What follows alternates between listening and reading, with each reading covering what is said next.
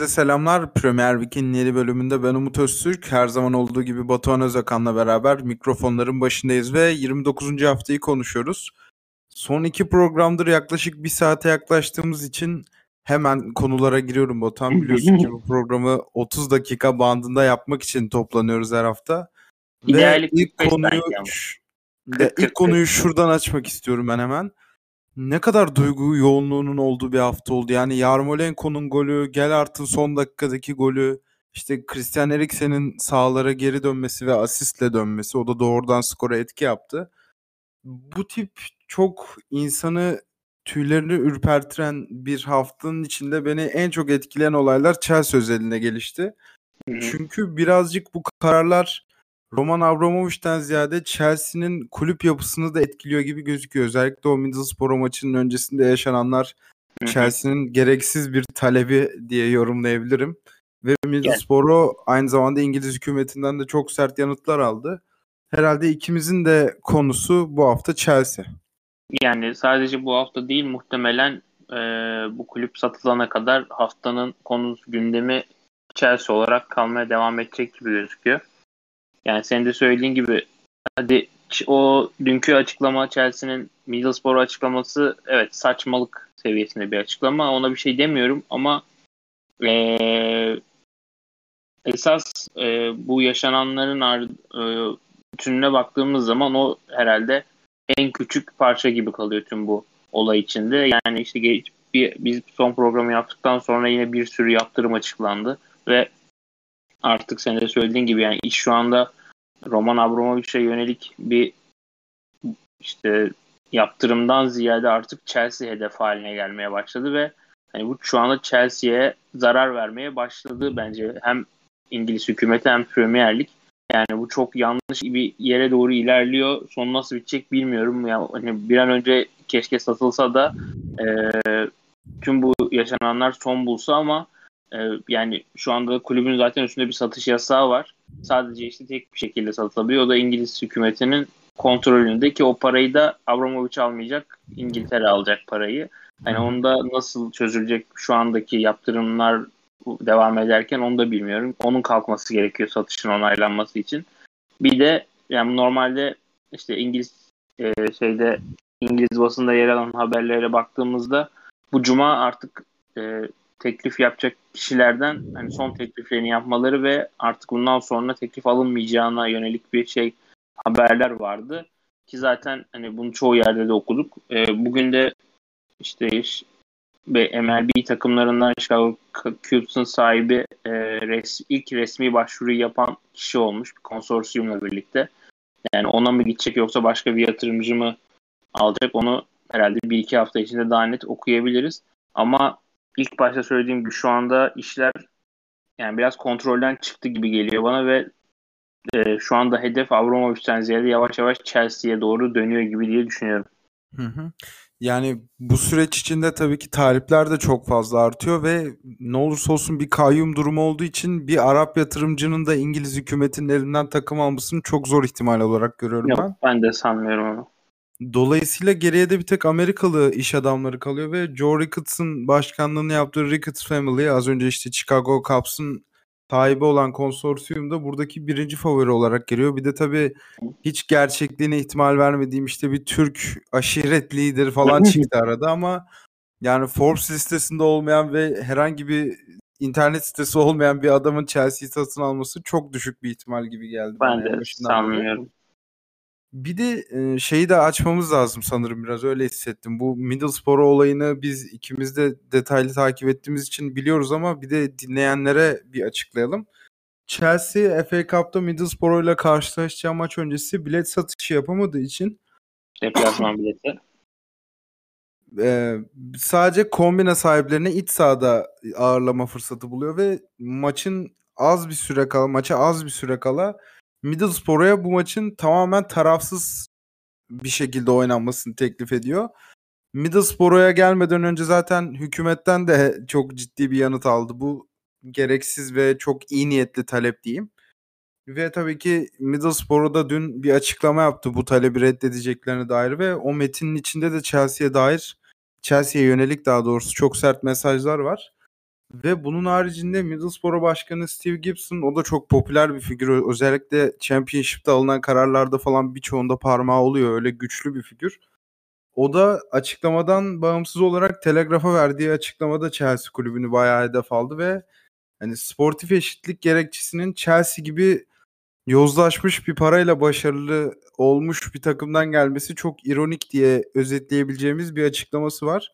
Tabii bunlar da maç öncesi ortamı epey gerdi ve şu anda Chelsea taraftarından yoksun şekilde bir otobüs yolculuğu sonunda Middlesbrough ile karşılaşacak. Detaylı şekilde takip edeceğimi düşünüyorum ben o maçı da. Çünkü maçın hikayesi epey arttı bence. Yani işte şu anda bak senin söylediğin bile aslında olayın saçma sapan bir yere gittiğini anlatıyor. Yani tamam bilet satışına bir şey bir o konuya açıkçası hani çok kon, değinmek istemiyorum ama yani şu anda Chelsea cumartesi yanlış hatırlamıyorsam maç. Cumartesi Hı-hı. oynayacağı maça otobüsle gitmek zorunda şu anda. Sebep ee, uçak bileti alacak paraları yok. Yani para var kullanamıyorlar bloke. Yani bu şu anda Roman Abramovich'e yönelik bir yaptırım mı yoksa Chelsea'ye yönelik bir yaptırım mı? Bence direkt zaten Chelsea'ye yönelik bir yaptırım yani çok e, üstüne konuş yani düşünmemiz gerekecek bir konu yok. Yani bu tamamen dolaylı yoldan Chelsea'yi sindirme gibi geliyor bana. Yani birazcık yani bu konularda dikkatli konuşmak da gerekiyor diye düşünüyorum ama e, yani zaten hani kulübü satıyor. Hani tamam bundan zaten İngiltere'deki mal varlıklarına da el konuldu ama Chelsea sonuçta e, bu ülke yani İngiltere'nin kulübü yani Rus kulübü değil ve hani Abra şey Tuval'de önceki gün ya da ondan önceki gündü e, basın toplantısında umarım Lille maçına uçakla gidebiliriz diye bir açıklaması vardı. Yani oyuncuların hani bu kadar tabii ki e, şu anda şampiyonluktan biraz uzak kalmış bir durumdalar ama ne olacağını bilmiyoruz. Yani işte Palace, tak, Palace karşısına takıldı City bir anda e, zirve yarışı yeniden başlamış gibi oldu. Chelsea'nin oraya dahil olabilmesi mümkün. Şampiyonlar Ligi'nde hala ilerliyor Chelsea. Yani oyuncular ve teknik ekibin e, bu kadar normal yapmaları gereken işler haricinde şu an çok ekstra bir gündemle uğraşıyorlar ve bu doğal olarak kulübe de zarar veriyor. Kesinlikle öyle. Özellikle oyuncu bazında çok fazla tepki var ve genel anlamda kadroda bulunan yıldızlar geleceklerinin ne olduğunu bilmediği için birçoğu da menajerlerini hareketlendirmiştir herhalde diye tahmin ediyorum. Kesinlikle. Zaten yavaş yavaş haberleri çıkmaya başladı onların da. Normal yani çünkü kimse şu anda ne olacağını bilmiyor. Yani gün her gün farklı bir gelişme yaşanıyor ve farklı bir e, haber ortaya çıkıyor. Farklı bir yaptırımın sonucu ortaya çıkıyor. Yani dediğim gibi umarım bir an önce bu devir işlemi bir şekilde tamamlanır ve artık yani Chelsea'de önünü daha net bir şekilde görmeye başlar. Ya bir de Chelsea böyle bir kriz halindeyken medyayla da çok didişti. İşte yine geçen hafta veya pazartesi günü Jamie Carragher Thomas Tuchel'i United'a önermişti yanlış anlamıyorsam hatırlamıyorsam. Ee, Telegraph'ta aynı gün içinde 5 kere paylaşılan işte Chelsea küme düşürülmeli mi tarzı metinler yayınlanıyor. Chelsea de birazcık bunlardan taraftar bazında da çok zarar görüyor ama yani bundan bahsedenlerin de temel argümanı işte az önce Steve Gibson'ın yazdığı ve verdiği röportajda bahsettiği gibi 19 yıldır nereden geldiği belli olmayan bir parayla suni bir büyük yaratıldıdan öteye gitmiyor. Ve Chelsea gibi ne olursa olsun şu anda büyük sayılabilecek bir kulübün şu anki yaşadığı süreçler ne olursa olsun hem Chelsea'nin hem de ligin marka değerine epey hasar veriyor diye düşünüyorum. Yani kesinlikle e, o, o çok büyük emeklerle oluşturulan ve şu anda dünyanın en değerli ligi haline gelen şeye kesinlikle zarar veriyor ama ondan önce e, yani Newcastle'ın satışında da konuştuğumuzu hatırlıyorum. Orada akılları neredeydi? Yani illa hani aleni bir şekilde orada da aleni bir şekilde e, resmi yani bu kadar net bir şekilde yok ama orada da Newcastle'ın sahiplerinin ne işler çevirdiğiyle alakalı herkesin malumuydu. Yani orada bir buçuk sene direnip de bir anda İngiliz hükümeti nasıl onay verdi ya da Premier Lig yönetimi bu satışa o da ayrı tartışılması gereken bir konu. Ki yani Newcastle satışını gerçekleştirmek için aslında kimliklerini de ayaklar altına aldılar. İşte bu geçen sene pandemi zamanında satış ilk konuşulmaya başlandığı zaman Suudi liderin işte bir Kaşıkçı cinayetine kadar uzanan bir namı vardı ve öldürülen Kaşıkçı'nın eşi Premier Lig'e bir mektup vesaire yazmıştı. İş buralara kadar gitti. Ama bu sene daha büyük ve ciddi bir teklif geldiği anda Premier Lig aslında Suudi Arabistan yönetimiyle bu insanın hiçbir alakası yoktur temalı bir rezilliğe imza attı. O da zamanda çok konuştuğumuz bir konuydu. Haklısın o yüzden. Ve geçelim yeşil sahaya. İçimiz karardı. Ama yapacak bir şey yok. Yani e, her zaman e, düz futbol konuşmamız mümkün Her olmuyor. zaman et yemeği çıkmaz. Kesinlikle. O zaman geçelim haftanın maçına. Önce senin adayını alayım. Belki aynı maçtan bahsederiz. Yani açıkçası iki maç bu hafta yani bu hafta başlarken iki maçı gözüme kestirmiştim. Biri hem isim bir ön plana çıkıyor United Tottenham. Diğeri West Aston Villa'ydı ama e, maç içindeki o yani Aston açıkçası West Ham Aston Villa birazcık beklentimin altında kaldığını söyleyebilirim. Ee, onun haricinde de United Tottenham aslında gerçekten isminin hak ettiğini fazlasıyla verdiğini düşünüyorum o maçın. Yani çok git gel yaşanan bir maç oldu ve United bir şekilde Ronaldo'nun gayretiyle e, diyebiliriz rahatlıkla herhalde şampiyonluğa şey şampiyon Allah söyletti diyeyim. Allah söyletti evet. e, maçı kazanmayı başardı ama o maçta e, kazanılan 3 puanın ve oynanan o görkemli diyebiliriz ya da tempolu işte heyecanlı oyunun dün e, yani o maçta yalan olduğunu dün aslında göstermiş oldu e, Atletico karşısında United. Yani haftanın maçı olarak ben hem tempo hem skor olarak ön plana çıktığı için United Tottenham'ı seçtim. Ama iki takım özelinde de herhalde konuşacağımız daha fazla şeyler var gibi duruyor. Hı hı. Ya ben mesela ben de haftanın başında bu maçı çok bekliyordum. Özellikle Tottenham'ın son haftalarda gösterdiği performansın çok vaatkar olduğunu düşünüyordum bu maç öncesi ama ben bu maçtan hayal kırıklığıyla kalktım. Bunun da temel nedeni Tottenham senin de tahmin edebileceğin Hı-hı. gibi. Çünkü ön üçlü durunca ve herhangi bir kontra planı uygulanamayınca elde başka hiçbir şey olmadığını gördüm ben Tottenham'da bu hafta. Ve yani kazanan taraf United'da çok gollü bir maç gibi gözüküyor ama ben United'ı da çok beğendiğimi söyleyemeyeceğim açıkçası. Yani Ronaldo'nun senede aldığı, aldığı 4-5 maçtan biri yaşandı ve ben iki takımın da belli seviyelerde performansının düşük kaldığını düşünüyorum açıkçası maçta. Yani kat, e, Türkiye'nin ekleyeceğim çok ekstra bir şey yok. E, hani Tottenham'la alakalı aslında iki takımla alakalı da aynı şeyi bence aynı cümleyi kurabiliriz. Yani ikisinin de e, bu sezon bir şekilde e, sezonu tamamlaması gerekiyor iyi bir yerde ve artık ondan sonra bir yapılanmaya girmeleri gerekiyor. Yani Tottenham tarafında bu ne kadar gerçekçi olacak ya da ne kadar e, doğru olacak onu bilmiyoruz. Çünkü Kane'in de durumu şu anda bence artık belirsiz yine sezon başında olduğu gibi ve Conte'nin sürekli işte geçtiğimiz haftalardan devam eden şikayetleri vardı ve muhtemelen bu biraz daha sezon sonunda o toplantıda herhalde kulüp toplantısında işte ne yapacağız ne edeceğiz yeni sezonda gibi yapılacak toplantıda daha yüksek perdeden olacaktır. Ee, yani bu takımda da artık sanki küçük değil biraz majör değişikliklerin de olması gerekiyor ki United'da zaten bu çok daha büyük perdeden e, konuşulması gerekiyor. Kesinlikle. Yani United üzerinde bir, bu hafta içinde bir program da gelecek. O yüzden çok fazla konusunu çalmak istemiyorum. Orada Atletico maçı falan da konuşulur büyük ihtimal. Hatta e, şey söyleyeyim. Bugün 9'da kaydedeceğiz programı. Onda Şahane. Şahane. Ve haftanın geri kalan maç benim adayım tabii ki United Tottenham değil. Ben haftanın geri kalan maçlarına baktığımız zaman çok fazla kafa kafaya giden maç olduğunu görüyoruz ve bir takım diğerine çok da fazla üstünlük kuramadı bu hafta genel anlamda. Dolayısıyla ben seyir zevki açısından burada Arsenal Leicester maçını ön plana çıkartacağım. Hı hı. Daha sonradan izlediğim bir maçtı ve skoru gördükten sonra beni merak ettiren bir maçtı açıkçası. Ve Arsenal'ı ben bayağı beğendim. Bu hafta haftanın hı maçı olarak da Arsenal Leicester'ı ön plana çıkartıyorum ben. Yani çok tek taraflı bir maç olduğunu söylemek yanlış olmaz herhalde o maçla alakalı.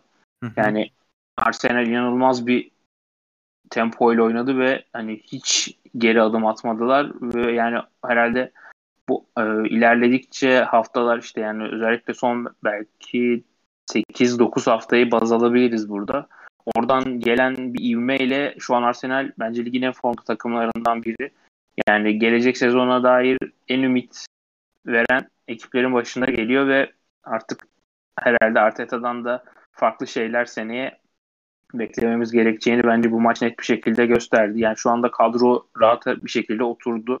Kimin ne vereceği, kimin ne kadar süre alacağı ve aslında neler yapabileceği e, yavaş yavaş netleşti ve oyun planı artık tamamen oturmuş durumda. Yani Aubameyang'ın e, ayrılmadan önce Lacazette'le birlikte istenmeyen oyunculardan ama Lacazette hani sanki hani Aubameyang'ın ayrılığını bekliyormuş gibi inanılmaz bir oyun sağlamış durumda takıma. Hani yanından şey e, yaramaz arkadaşı gitti o da kendini futbola verdi gibi oldu biraz. E, sezon sonu sözleşmesi bitiyor. Yani onun da ayrılığında Arsenal orayı nasıl doldurur? Açıkçası bence o da düşün, e, düşünülmesi gereken konulardan biri. Yani Arsenal seçimine çok bir itirazım olmayacak. Hı hı. Ki Arsenal özelinde bence hem bu sezonun geri kalanında hem de gelecek sezonu en çok etkileyecek maç bu gece oynanacak. Zaten bu programı dinleyenler şu anda içi içini yiyordur bu gece oynanacak Liverpool maçı öncesi. Gece diyorum çünkü 11'i 11 çeyrek evet. geçe yanlış hatırlamıyorsam evet. maçı saati. Ve Arsenal'ın aslında bu seviyelere ne kadar vakıf olduğu, ne kadar Liverpool'a yakın olduğu hani top seviye Liverpool'u belirlersek bu akşam ortaya çıkacak. Bugünkü skor aslında yaz transfer dönemini de etkileyecek ve Lacazette özelinde ben Çaka'nın da oraya adının yazılması gerektiğini düşünüyorum. Zaten Arteta öncesinden kalan çok az futbolcu var ve kalanlar da birazcık takım liderine dönüşmüş durumda şu anda Arsenal'da. O yüzden her zaman bahsettiğimiz gibi bu ligin çok iyi bir Arsenal'e ihtiyacı var. Şampiyonlar Ligi'nde de onları görmek çok heyecan verici olacak bence. Yani kesinlikle katılıyorum. O dört yarı, e, ilk dört yarışında e, ilk üç takım hep belli diyoruz ama yani şu anda Premier şey puan durumunu bir daha açıyorum ama yani e, şu anda Arsenal'in lidere göre 3 3 öndeki önündeki takımlara göre de 2 maç eksiği var. Yani şu an en net şekilde dördüncü sıra için adaylar ama Chelsea'nin bu içinde bulunduğu krizden nasıl etkileneceğine bağlı olarak onları üçüncü görmemiz, üçüncü olarak sezon sonunda görmemiz de herhalde şaşırtıcı olmayacak. Yani işte o zaman hakikaten 2015'ten bu yana en başarılı, en güzel sezonunu geride bırakmış olur Arsenal. Bir de Chelsea'yi altına alırsa ve uzun süredir ben iki Londra rakip iki Londralı rakibinin de altına aldığı bir sezon hatırlamıyorum açıkçası. O yüzden çok güzel olacak. Diyelim ve haftanın sürprizinde ikimizin adayı aynı. Watford'un St. Mary'den çıkardığı 3 puanı ön plana çıkarttık. Yani Watford, o yani ben şöyle bir giriş yapıp topu sana atayım. Ben Watford'u Norwich'in elinden o meşaleyi alan hani ilk küme düşecek takım adayı olarak belirliyordum ama hakikaten böyle kritik maçlar çok belirleyici oldu. Yine şansları çok az Premier Lig'de tutunmak için ama en azından Norwich kadar suya sabuna bırakmış değiller herhalde işleri. Yani e, açıkçası o ilk goldeki o Southampton oyuncuların e, fa, e, kendi aralarında yaptıkları pas hatalarından zaten e, böyle enteresan bir maç olacağı bence belli oldu ve zaten ondan sonra da ben açıkçası maçı sonradan biraz baktım. Geniş yani tamamını izlemedim ama biraz ileri sara sara izledim. Hani e, maçı takip ederken işte e, skor olarak diyeyim o anda canlı izlemiyordum. Açıkçası Southampton'ın bir yerde maçı çevireceğine de inanıyordum. Hani 2-1'e gelince skor zaten tamam dedim. Yani buradan sonra Southampton bir şekilde döner. Ama Watford e, sürpriz bir galip haftanın en e, en enteresan galibiyetlerinden birini aldı. Yani şu anda aslında bence geçtiğimiz hafta şeyi konuşmuştuk. E, ligden düşecek takımlar az çok belli oldu diye. Yani Watford bu galibiyetle birazcık e, kendini kurtarmaya en azından ilk adımı atmış gibi duruyor ama hala önünde çok büyük bir yol var. Çünkü önündeki yani 17. sırada Everton'ın 3 e, maçı eksik onlara göre. Ama e, en azından buradan çıkartılan bir sürpriz sayı, sürpriz diyebileceğimiz bir 3 puan bir, bir nebze umutlarını e, dinç tutmasına yardımcı olacak Watford'un.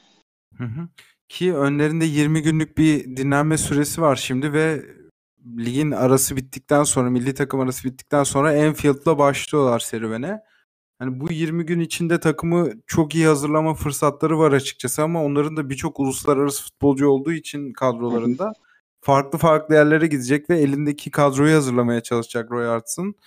Ve Liverpool'dan sonra da aslında ligin kolay fikstürlerinden birine giriyorlar. Yani önündeki Everton'ın çok maçı eksik ama Everton da belli ki o maçları kazanamayacak bir durumda şu anda. O yüzden hani Everton'ın oldukça dibe düşmesiyle beraber Watford bu maçlardan puan kazanabilirse ligin sonunda belki ikisi arasında bir yarış olabilir. Yani e, Liverpool ve City'yi e, deplasmanda oynayacakları için onları direkt sıfır yazabiliriz herhalde büyük ölçüde. E, onun haricinde senin söylediğin gibi şu anda önlerinde Everton, Leeds, Brentford, Burnley ve Palace var. Eğer bu maçlardan galibiyet çıkartabilirlerse hepsinden yani büyük ölçüde kalırlar diye düşünüyorum ama ben en kötü bir yenilgi bile e, durumu kurtaracaktır ki bu maçların hepsinin Palace hariç iç sahada olması ki Leicester'la da iç sahada oynayacaklar. E, yani şu anda fixture avantajı Watford'da ama bakalım sezon sonu bize ne gösterecek.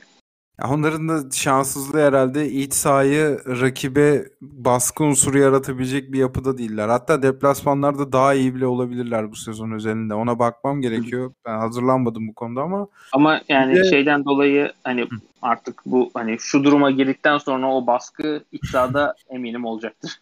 Hı hı. Ya bir de ligde çok fazla hedefsiz kalan takımla oynuyorlar. O da benim dikkatimi çekti. Mesela son haftalara gelirken artık Chelsea'nin yeri büyük ihtimal belli olacak olur. Hı. Leicester City, Crystal Palace gibi orta sıra takımlarıyla oynuyorlar. Onun dışında Onların da zaten oynadıkları olur. alt sıralara yakın takımlar. Aslında yenebilecek takımlar diye düşünüyorum.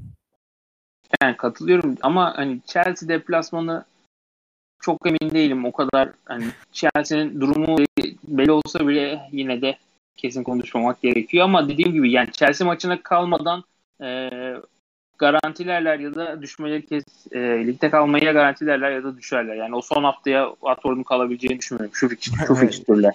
Ya evet ben de yani Watford üzerine bu kadar dakika harcadık. Zaten dönüşte önce Liverpool sonra Leeds'e kaybederek bunları da taca çıkarır Watford diye düşündüm ben de bir an. Ve geçelim haftanın takımına. Önce senin adayını alayım sonra ben söyleyeceğim. Yani benim Arsenal yanlış hatırlamıyorsam geçtiğimiz hafta da Arsenal'i mi seçmiştim? Şu an sayfaları çeviriyorum bir yandan ama büyük ihtimal. sanki öyle bir evet geçtiğimiz hafta da Arsenal'i seçmişim.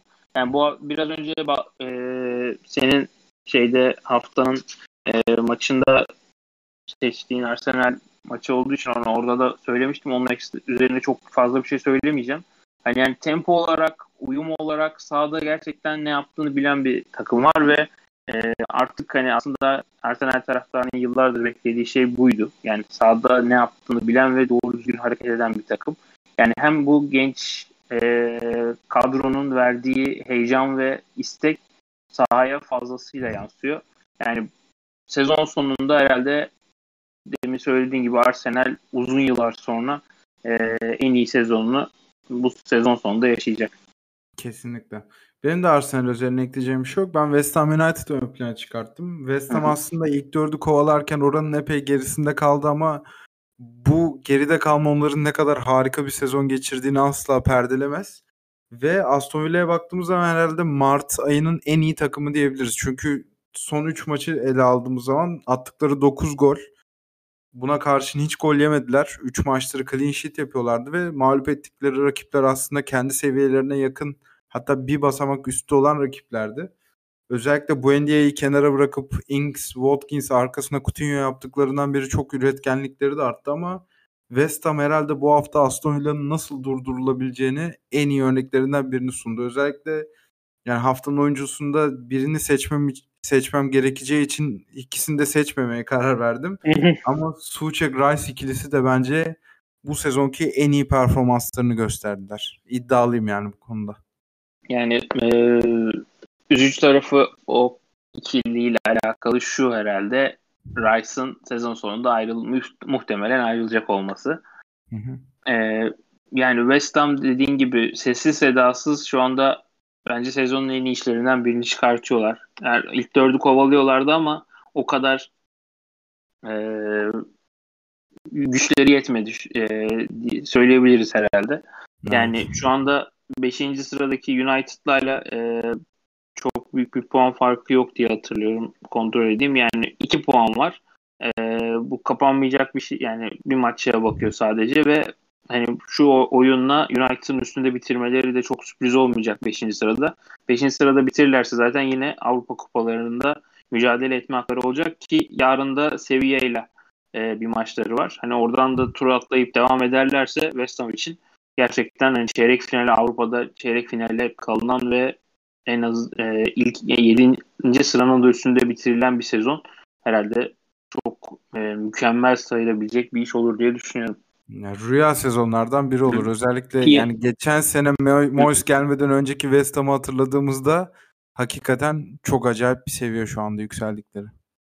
Yani tam onu diyecektim. Yani geçtiğimiz sene başardıkları şey acaba işte sürpriz mi yoksa hani tesadüfen bir şey miydi derken bu sezonda aynı başarıyı göstermeleri ve işte Avrupa Ligi'nde de dediğim gibi eğer bu turlarla çeyrek kalacaklar yani hiç de sayamayacak kadar büyük ölçüde bir iş başarmış oluyor Moyes ve öğrencileri. Kesinlikle öyle. Geçelim haftanın menajerine. Ben Jesse Marsh'ı burada ön plana çıkarttım. İlk Ellen Road e, maçında galibiyete ulaştı. Aslında ilk, maç özelinde çok mahir davrandığıma emin değilim ama bazı kritik anlamda çok iyi hamleler olduğunu düşünüyorum ben. Tabii ki mağlup ettikleri rakip bir championship takımı. Onu cebimize koymamız lazım ama golden sonraki sevinci de bayağı güzeldi hocanın. Yani bir kameradan This is England'da da koymuştuk onu. Ve bununla ilgili bir açıklaması da olmuş. Golden sonra olabildiğince zıpladım. Amerika'da buna kredi kartı sevinci diyoruz. Biz tarzı bir açıklaması var. O da hoşuma gitti. Programa taşımak istedim. Senin de umarım ekleyeceklerin vardır.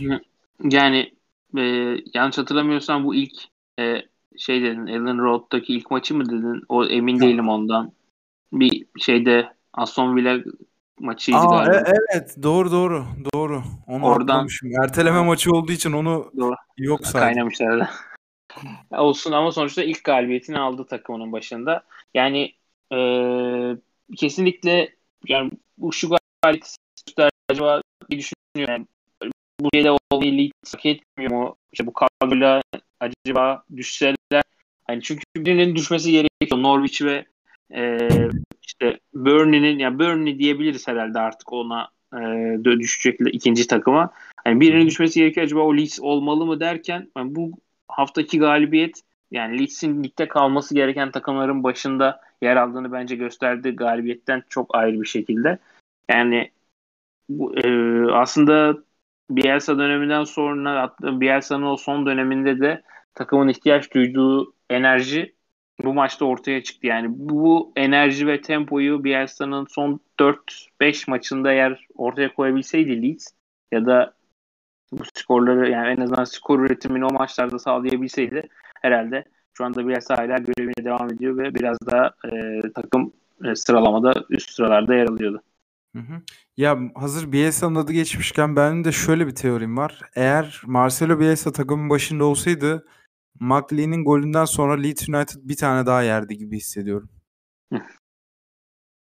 Yani işte dediğim gibi eğer biraz daha toparlanmış bir şekilde bu maça çıksalardı yani Bielsa ile birlikte tabii ki ne olacağını bilmiyorum ama hani o son bıraktığı takımı baz alıp eğer bu yorumu yapacak olursak ona katılıyorum. Hı hı. Bir de Leeds United özelinde bu hafta Benford maçı 11'de başladı ama yalnızca 45 dakika sahada kaldı ve aslında Benford'un onların sistemi için ne kadar önemli olduğu da herhalde Rodrigo'nun golünde ön plana çıkarttı. Çünkü orada net bir şekilde Benford'un topsuz oyunda açtığı bir alandan kaynaklanan bir vuruş var. Bu da sonrasında oyuna giren Gellert da zaten maçın kahramanı oldu. Rafinha'yı eğer bir kenarda bırakırsak. Bu da Leeds için daha da umut verici bir hale getiriyor önümüzdeki haftaları. Yani kesinlikle onların da fikstürü nispeten kolay değil artık. Hiçbir takım Premier Lig'deki e, şey kolay değil. Rakip kolay değil. Ama Norwich hariç. E, o yüzden hani şu maç kolaydı demek istemiyorum ama hani o, o düşme potasındaki takımlara karşılaştırdığımızda biraz daha Watford gibi biraz daha öne kolay bir e, en azından diş geçirebilecekleri rakipler var. Yani Hı-hı. buradan çıkacak bir 3 galibiyet herhalde onları 3 ya da 4 galibiyet onları ligde tutacaktır diye düşünüyorum. Ki ben tabii Southampton'ın bu aradan sonra nasıl döneceğini bilemiyoruz ama Southampton'la oynamak için de çok güzel bir zamanda denk geldiklerini düşünüyorum şu anda baktığım zaman. Ki iç Ama sahada. aynen öyle iç sahada ama göreceğiz bakalım onların yolunu da. Senin Yani menajer adayını alayım. Ben Vieira'yı seçtim. Hı hı. Ee, yani senin demin söylediğin gibi hangi şeyle oyna hmm, bir dakika toparlayayım şeyi e, nasıl oynanması gerekiyor diye öyle oynadı demiştin ama bir maç için biraz önce. Menajerimle konuşuyorduk. West. Ham şu an. United Aston Villa özelinde demiştim. Doğru. Heh, aynen.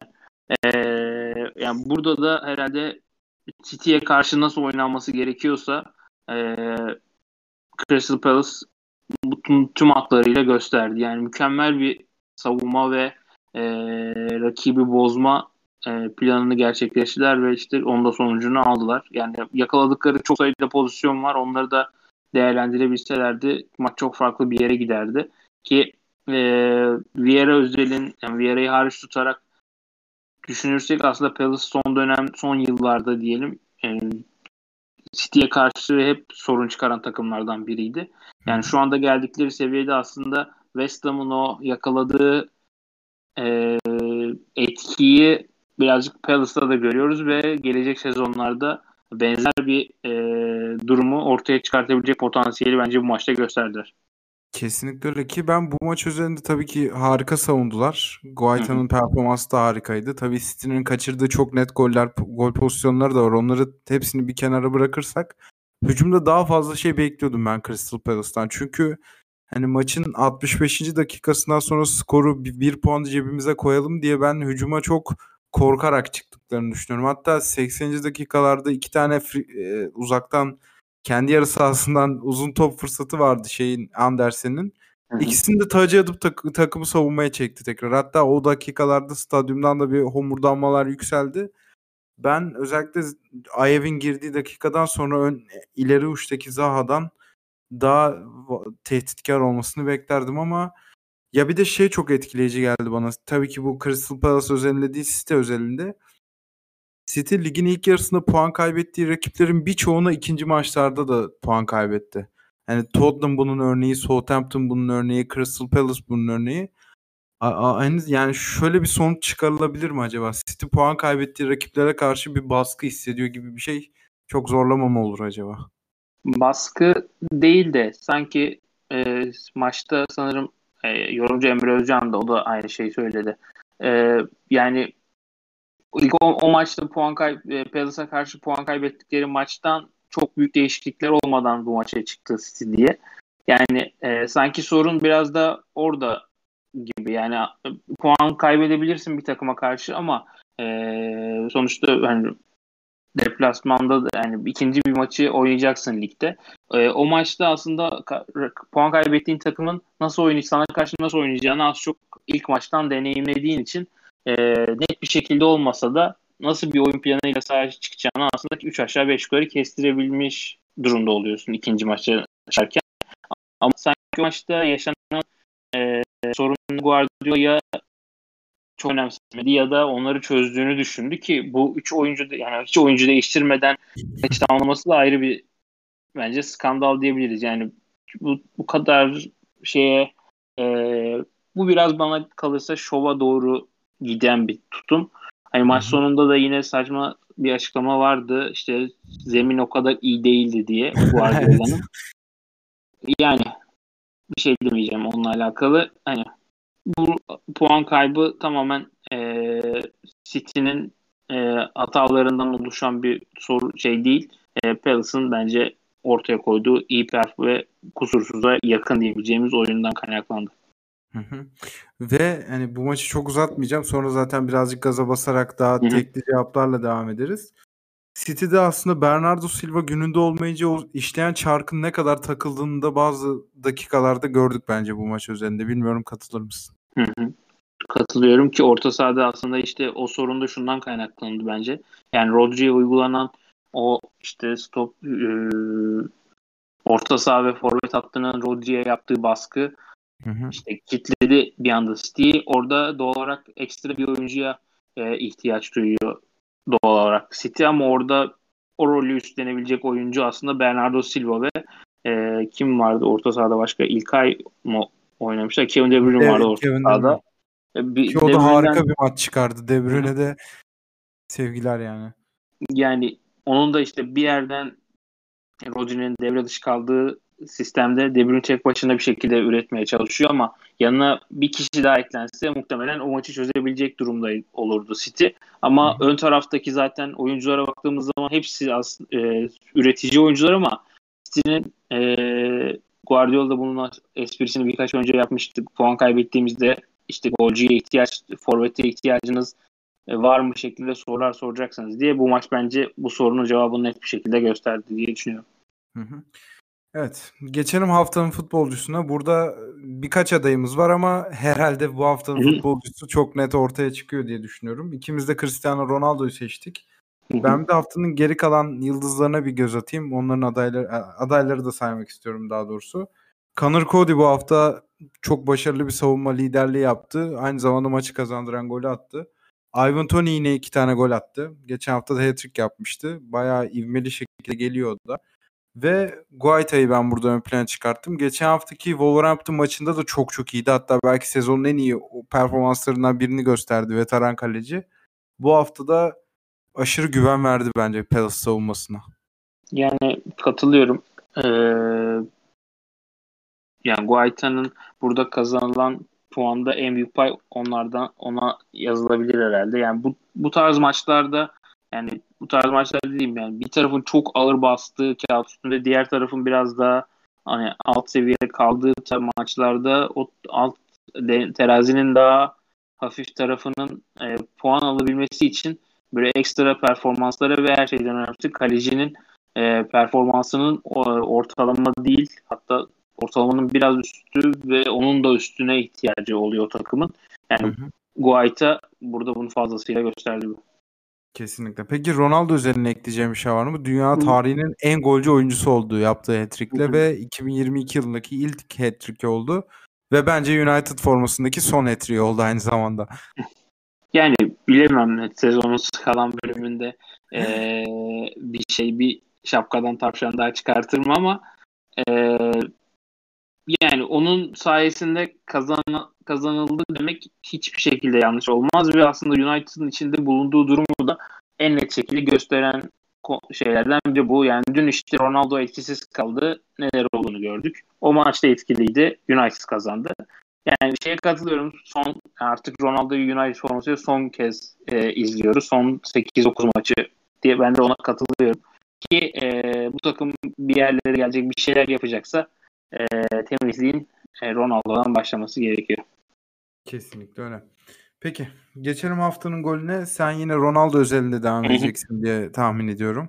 Evet yani e, hem uzaklık anlamında bence e, hiç alacak bir gol değil. Yani o işte uzak bir yerden o kadar düzgün bir vuruşla e, golü bulmak bence ön plana çıkması gerekiyor. Aston Villa'nın golü e, Ramsey'di galiba yanlış hatırlamıyorsam. E, yani onun da golü bence aday gösterilebilir, gösterilebilir ama Ronaldo'nunki biraz daha ben burada yani gol e, golleri seçerken haftanın golünde yani biraz da zorluk seviyesi anlamında düşünerek seçim yapıyorum. Hani Ronaldo'nunki biraz daha e, zor bir gol olduğu için onu seçtim. Ya ben de yine çok zor bir gol seçeceğim. Hatta atılış dakikasına baktığım zaman maç kazandıran bir son dakika gol de denebilir. Jorginho asist, Kai Havertz gol. Ki. Havertz bu ayın en iyi oyuncularından biri gibi ilerliyor şu anda. Yani birkaç iyi performansla beraber ayın oyuncusu ödülüne aday gösterilebilir gibi geliyor. Çünkü Lukaku'yu şu anda net bir şekilde kesti forvet hattından ve her hafta skora katkı vererek devam ediyor kendisi. Bu hafta attığı golde de yaptığı ilk dokunuş çok görülmeye değerdi diye düşünüyorum. Matip kazanıyorsa ayın oyuncusu ödülünü. Havertz de kazan. Havertz de kazan. Ya ben o ödüllerin de birazcık daha az önemsenmesi gerektiğine ikna oldum bu ayın sonunda. Çünkü en çok taraftarı olan takımdan kim aday gösterilirse o alıyor diye bir hale geldi açıkçası. Yani çok şey diyemeyeceğim bunlara. Tatsız. Tatsız. Ve geçelim haftanın son kategorisine. Haftanın hayal kırıklığında önce senin adayını alayım. Sonra ben de ekler bir şeyler ve kapatırız. Ya ben Everton'ı seçtim burada. Çok ee, uzağa gitmemişsin ya. Geçen hafta da Everton demiştik. Hı hı. Ama hak yani, ediyorlar birazcık. Yani kesinlikle. Yani Lampard'la yeni bir yola girdiklerinde açıkçası ben ümitli olan taraftaydım ve Lampard'ın Chelsea'de sunduğu şeylerden sonra ilk sezonunda işte transfer yasağının olduğu ve altyapıdan çıkan oyuncularla tamamlanan kadroyla bir şeyler yapıp sonrasında düşmesi e, sorun değil ama o sezonda gösterdiği e, şeyler aslında Lampard'ın iyi bir menajer olabileceğini gösteriyordu ve e, buraya gelirken de Everton'ın başına açıkçası buna e, güvenerek ben Everton'ın toparlanabileceğini ve ilerleyen dönemde e, daha farklı bir yapı izleyebileceğimizi düşünüyordum. Ama son e, FA Cup'ta oynanan Boreham maçını ayrı tutuyorum. E, onun haricinde oynanan son maçlar Leeds United galibiyetinden sonraki işte 4 maç galiba. Aynen 4 maçta gerçekten Everton'ı e, ki bu maçlarda hiçbirinde gol atamadılar. E, gerçekten darmadağın bir Everton ve ne yaptığını bilmeyen oyuncuların birbirinden çok alakasız şekilde hareket ettiği bir takım gördük. Yani önlerinde daha zorlu maçlar var ve e, puan olarak da şu anda o kadar rahat bir konumda değiller. Yani ekstra maçların olması şu anda avantaj gibi gözüküyor. Ama bu oyunun devam ettiği ve bir çözüm kısa vadeli bir çözüm bulunamadığı sürece e, maalesef Everton'da küme düşmenin en büyük adaylarından biri olacaktır diye düşünüyorum. Kesinlikle öyle. Ki Lampard'ın da çok elit bir savunma koçu olmadığı herhalde gün yüzü gibi ortaya çıktı. Çünkü hani hücum da çok problemli senin bahsettiğin gibi ama bence Everton'un şu anda içinde bulunduğu durum tamamen savunmadan kaynaklanıyor. Hatta Lampard'ın o bahsettiğin Chelsea döneminde bile Chelsea kültürüne hiç uygun olmayan şekilde çok gol yiyen bir yapı ortaya çıkarttığını anımsıyorum şu anda. Ve bu da hocanın menajerlik kariyeri boyunca baş belalarından biri olacak gibi bir ön izlenimim var ama bunlar çok büyük cümleler. Ben de hayal kırıklığı olarak Southampton'ı ön plana çıkartıyorum. Ya bununla yani. ilgili direkt bir referans vermem lazım. Takip ettiğim bir Southampton podcast'i var. Sana da önereyim. Hatta bunu dinleyen insanlara da önereyim. In That Number Podcast diye. Oranın moderatörü Ray Hunt çok güzel bir yazı yazmış. Çok denk geldim bu yazıya BBC'de işte maç program öncesi not çıkartırken ve çok güzel bir yazı yazmış. Takım geçen sezon olduğu gibi çok iyi bir Şubat'tan sonra Mart ayının gelmesiyle beraber dibe doğru çöküyor. Yani geçen sene de oldu bu ve bu sene de oldu. Onun hikayesini çok güzel yazmış. Ben yani Southampton özeline o yazıyı okumanızı tavsiye edeceğim. Onun dışında bir, bir şey eklemeyeceğim ve senin yorumlarını alayım. Ee, açıkçası şu anda yazıyı dinleme e, okumaya, okuyamadığım için yani onunla alakalı bir şey söylemeyeceğim. Ee, ama haftanın yani hayal kırıklığı olarak sonuç olarak evet olabilir ama çok Southampton'la alakalı bence büyük cümle kurmamızı gerektirecek bir durum olmadığını düşünüyorum. Yani tabii ki ligde bulunduğu konum itibariyle o da hedefsiz sayılabilecek ha, bir takım. Yani tek hedefi ilk onda tamamlamak ama Özellikle iç sahada iki tane peş peşe komik maçlar kaybetti. Önce Newcastle'a sonra Watford'a. Hatta ben hani az önce Watford'u konuşurken sen attıkları ilk golü söylemiştin. Kuçu Hernandez'in ilk golünü. Ki Hı-hı. Hernandez de haftanın oyuncularından biri rahatlıkla seçebilirdik. O da Watford'a hayat verdi. Onun adaylardan saymayı unuttum. Özellikle ilk golde Salisu'ya bir promil testi yapılması gerektiğini düşünüyorum ben. yani orada hani oyuncular neye e, açıkçası kafalarında ne geçti yani nasıl bir e, ruh haliyle o pasları yaptılar ve sonunda o ki bence e, Forster'dı galiba kaleci. Evet. E, onun da hani o topu kaptırdıktan sonra e, açıkçası hiç hamle yapmaması golde yani enteresan işler yani insana enteresan şeyler geliyor gibi ama ya böyle dediğin gibi oyuncuların kanki bir anda hani şey gibi hepsi birbirine bağlı bir sistemden yönetiliyormuş da o anda sistem o devre dışı kaldı. Golden sonra tekrar devreye girmiş gibi hareket ediyorlar. Yani olabilir maç içinde deyip kapatalım bu konuyu. Evet, evet. Böyle güzel bir benzetmeyle kapatmış olalım. Premier Lig'de haftalar oynandıkça Premier Week'in yeni bölümleri de gelmeye devam edecek efendim. Biz dinlediğiniz için çok teşekkür ederiz. Şimdilik hoşça kalın. Hoşçakalın.